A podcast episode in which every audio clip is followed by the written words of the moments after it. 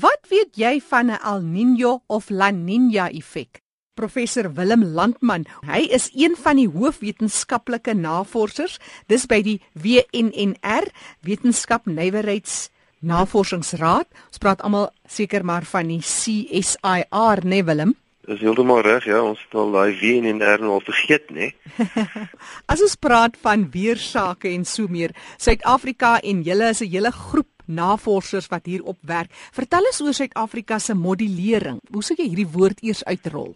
Nou goed, eerstens moet mens iets mee hê om die weer te voorspel of om te voorspel of daar 'n droogte op pad is en ook om te voorspel hoe dit oor dekades van nou gaan lyk. Jy weet, jy kan nie dat jy jou duim uitsuig of kyk nou die mure migreer byvoorbeeld. Jy het uh, daarvoor modelle nodig. En eh uh, modelle waarvan ek nou hiervan praat is wiskundige modelle en dit is die model is basies gebaseer op die bewegingswette van die atmosfeer. In ander woorde dit is fisika in terme van die beweging van weerstelsels soos latere stelsels en hoëdruk stelsels en die ontwikkeling van frontale weer. Daai tipe van goed moet nou alles met die wiskunde beskryf word en in 'n model saamgevat word wat vir ons kan vertel wat in die toekoms gaan gebeur.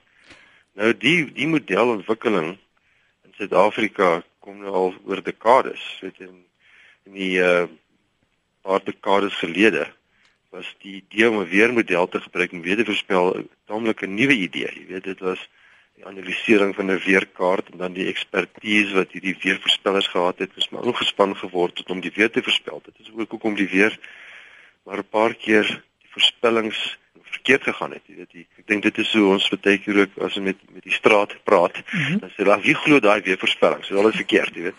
En dit is seker daai lank terug toe ons maar gesukkel het met die voorspellings. Maar gelukkig is daar nou modelle wat ja, wat aanhoudend verbeter in terme van die resolusie, aan die ander woorde fyner detail waarmee voorspel kan word. Ja.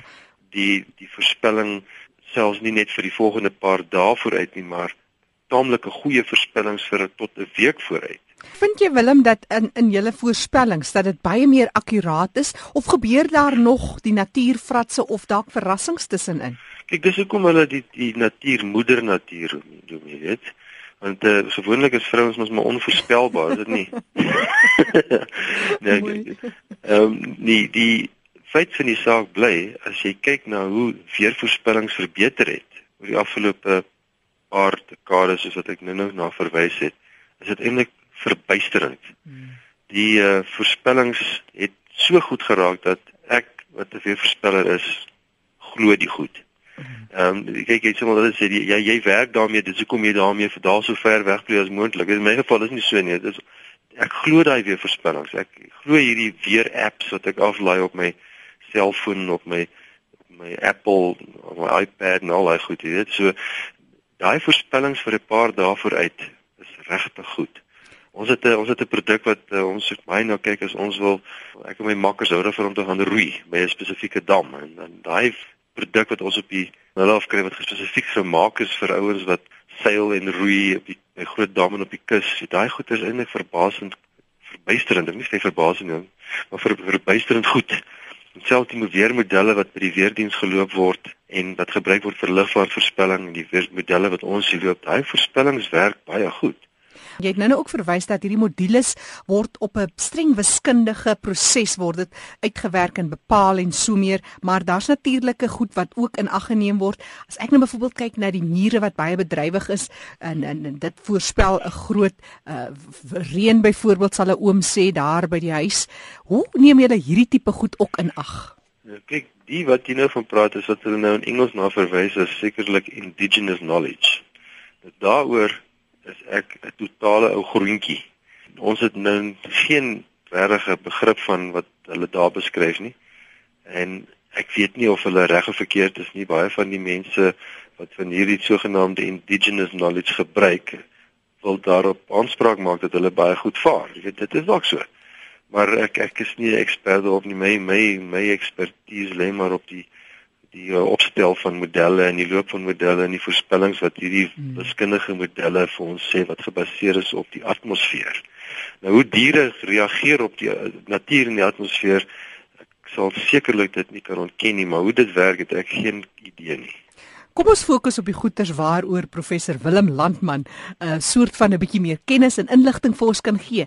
Daar's hierdie interessante effek wat ons ontvang, wat ons van praat en dis die eerste keer wat ons daaroor sal praat nie, die El Niño en die La Niña. Vertel ons van hierdie twee. Ons het al baie gehoor van klimaatsverandering. Dis nou wat tipies gesê word oor die volgende paar dekades gaan ons al hoe warmer en warmer kry. Maar El Niño het eintlik meer te doen met veranderlikheid, aan die ander woorde die verandering van jaar tot jaar. In 'n klimaatsverandering situasie waar dit warmer gaan word, gaan ons dalk sien dat daar meer gereeld, gereeld El Niños voorkom. Maar El Niño en La Niña is is verskynsels wat tipies gebruik word om te vertel wat gaan gebeur tydens ons hoofsomermaande. Tipies is daar 'n El Niño is, dan het dit meer gereeld gebeur dat ons droë toestande ervaar as nat toestande. En wanneer daar 'n La Niña is, dan het dit meer gereeld gebeur dat ons nat toestande kry in plaas van droë toestande. Ongelukkig is dit nou nie so eenvoudig om te sê El Niño is gelyk aan droogte nie mm -hmm. en La Niña is gelyk aan lekker baie reën nie. Maar dit is duidelike invloede wat ons voel uh hier oor Suid-Afrika alhoewel hierdie verskynsel hierdie twee hierdie twee name is eintlik deel van dieselfde verskynsel wat mens noem die El Niño suidelike oscillasie. Nou die verskynsel vind plaas oor die ekwatoriale stille oseaan. Dit is omtrent omtrent aan die ander kant van die aardbol waar ons is. Nou hierdie verskynsel is so enorm. Dit is in staat om weerpatrone wêreldwyd te affekteer. Natuurlik affekteer dit nie alle weerpatrone oor alle dele van die wêreld nie. Dit is tipies wêrelddele waar hulle weer ook 'n invloed het vanaf die trope. En dit gebeur tipies hier by Desember, Januarie, Februarie in Suid-Afrika wanneer ons die tropiese invloed begin voel in ons weer. En dit is dan wanneer ons voorspelbaarheid vir die volgende paar maande, dis nou die midsomermaande eintlik goed werk. Dan kan ons taamlike selfvertroue ook voorspel hoe El Niño en La Niña gaan plaasvind en hoe hulle ons weer gaan affekteer. Nou ongelukkig die tipe van vaardigheid, in Engels sal hulle sê skill seker, om die weer te voorspel vir die volgende paar dae is baie hoër as die vaardigheid of skill wat ons het om die seisoen te voorspel. Ja. Nou nou baie keer as ons nou so kyk na tipies na 'n weervoorspelling, die volgende 10 dae se weerverspilling aan 'n woorde verspilling wat ek maak vir 10 agter die volgende dag sal ek sê 9 uit daai 10 dae gaan die voorspelling in die kol wees as ons nou praat van weerverspilling. Maar praat mens van 'n seisoens seisoensvoorspelling gaan mens as mens dit nou vir 10 jaar 10 agter die volgende jare sou doen kom mens verwag dat so tussen 6 of 7 van daai jare baie goeie voorspelling genee. 3 van daai jare gaan die voorspelling val. Sal dit byvoorbeeld die eerste 7 wees en dan die laaste 10 raak jy bietjie minder nee, akkuraat? Dit, dit dit kan ek nie nou sê nie. As jy nou net oh. eenvoudig 10 sou tel. Mm -hmm. En dan dan sou dit gewees het dat 3 van hulle sou val. En tipies wanneer hierdie seisonale voorspellings val is wanneer ons nie El Niño het nie en ook nie La Niña. En dan weer die modelle wat nou sterk geskoei is rondom hierdie tropiese verskynsel, hulle het nie 'n klou nie. Dan dan raak hulle dan raak hulle die mekaar. En dan dan sê ek altyd vir iemand gaan bel jou ouma, dit is as haar kniepyn of somatiek pyn of kies hulle dit 'n beter voorspeller wees as hierdie seisoen se voorspelling wat ons vir jou kan gee. Maar Willem, daar's ook 'n interessante heid rondom, maar Willem, daar's ook 'n interessantheid rondom die name. Dis 'n dogtertjie en 'n seentjie. Vertel ons gou 'n bietjie meer. Ja, dit is nou uh interessant. Kyk, die verskynsel het sy naam gekry in die laat 1800s al. En dit is uh Spaanse woorde. El Niño beteken die seun en La Niña beteken die dogter. Nou die uh meeste van die uh, lande in Suid-Amerika is was al seker nog steeds streng katoliek. En die tipe van verwarming van die seeoppervlaktemperature in die ekwatoriale stille oseaan, dit is nou vir die verre oostelike deel daar naby Suid-Amerika en veral die vissermanne van Peru. Hulle het agtergekom wanneer hierdie seeoppervlaktemperature warmer as gewoonlik is, dan vang ons die vis nie. Dan is die dieper koue water wat of die die die water wat koud is met baie voedingsstowwe ook dieper En dan is die visse ook dieper. Hulle is nie gevang nie. En hulle het opgelet dat gewoonlik wanneer hierdie seeoppervlaktemperature warmer word, is dit naby Kersfees. En El Niño verwys dan na die geboorte van Christus. Oh. En baie keer dan kry mens ook dat hierdie seeoppervlaktemperature buitengewoon warmer word as nog die gewone. En dit is toe dat die wetenskaplikes begin praat het van El Niño wat eintlik 'n ver, vertaling is van nou is hierdie seeoppervlaktemperature hoor u ekwatoriale stellies aan nog warmer as wat dit gewoonlik is. Dit is dan El Niño. Nou het hulle gewonder, nou wat noem mens nou hierdie affære wat nou die teenoorgestelde is? Baie keer gebeur dit dat daar 'n koue seepvlaktemperatuur is en dan word dit kouer as gewoonlik. Toe bety ons gesê kom ons noem dit El Viejo. Nou El Viejo is die Spaans vir die ou kerel. Want dit is is ou seentjie gewees, ons seker 'n ou kerel. Nee nee nee nee, nee dit is dit is dit is seksisties. Ons kan nie net alles mans genoem. Ons moet kom ons noem die teenoorgestelde fase eerder La Niña wat beteken die dogtertjie. Dis mooi. Dis professor Willem Landman wat met ons hierdie interessanthede deel. Party dalk nuttelose inligting, nog altyd lekker stories.